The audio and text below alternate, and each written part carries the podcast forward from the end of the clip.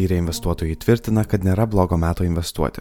Tačiau toks patarimas nelabai palengvina užduoti pradedantiesiems, kai klausimas veja vienas kitą. Nuo ko pradėti, į ką investuoti, kiek pinigų skirti, kaip dažnai tai daryti. Visgi pačioje investavimo kelionės pradžioje reikia savo pasakyti štai ką. Investavimas neturi būti sudėtingas, žvelgime į tai paprasčiau. Šių metų pradžioje Svetbank finansų instituto užsakymų atlikta apklausa parodė, kad pastarąjį pusmetį dėl aukštesnės infliacijos investavimu pradėjo domėtis 23 procentai šalies gyventojų, tad potencialių investuotojų gretos gerokai pasipildė.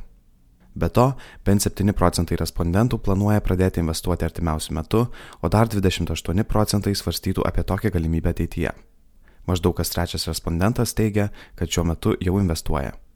Apklausa taip pat rodo, kad investavimas daugeliu gyventojų pirmiausia asocijuojasi su rizika, tačiau nemaža dalis gyventojų tame išvelgia ir galimybių. Maždaug pusė respondentų investavimą sieja su pelnu. Vertinant tyrimo rezultatus bendraja prasme, galima pasakyti, kad lietuvių požiūris į investavimą yra realistiškas ir teisingas. Investavimas iš tiesų yra susijęs ir su rizika, ir su galimybėmis. Tinkamai suvaldyta investavimo rizika gali padėti išnaudoti galimybės ir ilgainiui padėti uždirbti pelno. Nors investicijų rizikos valdymas gali skambėti sudėtingai, tačiau praktikoje tai reiškia dviejų taisyklių laikymasi. Reguliariai atsidėti tam tikrą lėšų sumą ir jas nukreipti į kuo platesnį įmonių, verslo sektorių ir pasaulio regionų spektrą. Kaip tai gali atrodyti pavertus į realius, pradedančiojo investuotojo veiksmus. Pirmas žingsnis - pinigų suma. Pradėti galima nuo 10, 30 ar 50 eurų. Tai yra nuo tokios sumos, kurią būtų galima skirti investavimui be didesnio neigiamo poveikio pajamų ir išlaidų srautams. Šiandien įsigyti investicinių fondų vienetų galima kad ir nuo 1 euro. Tai gali tapti pirmoju žingsniu, susipažįstant, kaip veikia investavimas praktikoje. Jei turite investavimui sutaupę didesnę pinigų sumą, investuoti jos visos iš karto nevertėtų, nes galite pataikyti investuoti per patį rinkos piką arba jai dar nepasiekus žemiausio taško. Tad didesnę sumą geriau išskaidyti ir investuoti ją periodiškai. Antras žingsnis - fondo pasirinkimas. Iš pradžių pinigus patartina nukreipti į fondą, kuris yra susijęs su pasaulio akcijų indeksu ir investuoja į įmonės visame pasaulyje. Jei nesate tikri, kaip išsirinkti tokį fondą, pasitarkite su banko konsultantu. Jei jums pasiūlė kelis panašius fondus, rinkitės pagal tai, kurie taiko mažesnį turto valdymo mokestį.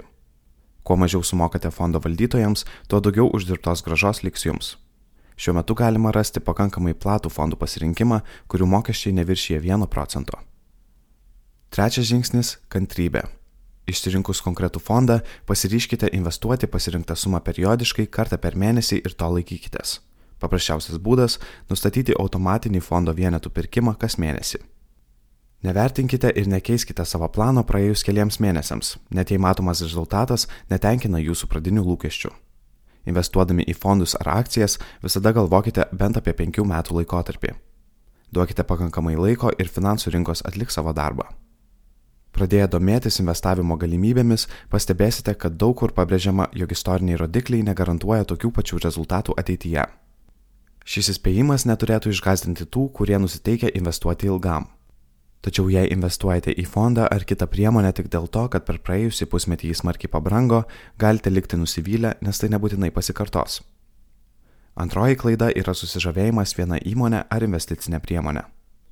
Taip, kai kurių įmonių akcijų prieaugis kartais būna įspūdingas, tačiau net profesionalūs investuotojai dažnai nesugeba įvardinti tų įmonių, kurios galiausiai pademonstruoja didžiausią augimą.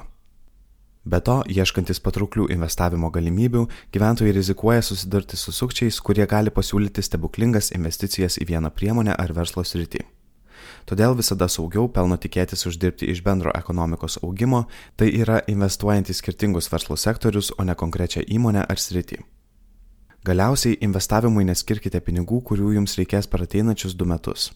Pavyzdžiui, jei taupydami pradiniam būsto įnašui ar naujam automobiliui galvojate, kad santaupų sumą nesunkiai padidinsite jas investavę, toks planas gali ir neišdegti. Jei pinigų prireiks, kai finansų rinkos bus nukritusios, investicijas gali tekti parduoti su nuostoliais ir susigražinti mažesnę sumą. Komentarą paruošė Svetbank finansų instituto vadovė Juratė Cvilikienė. Įgarsino Kristijonas Vaičiukauskas.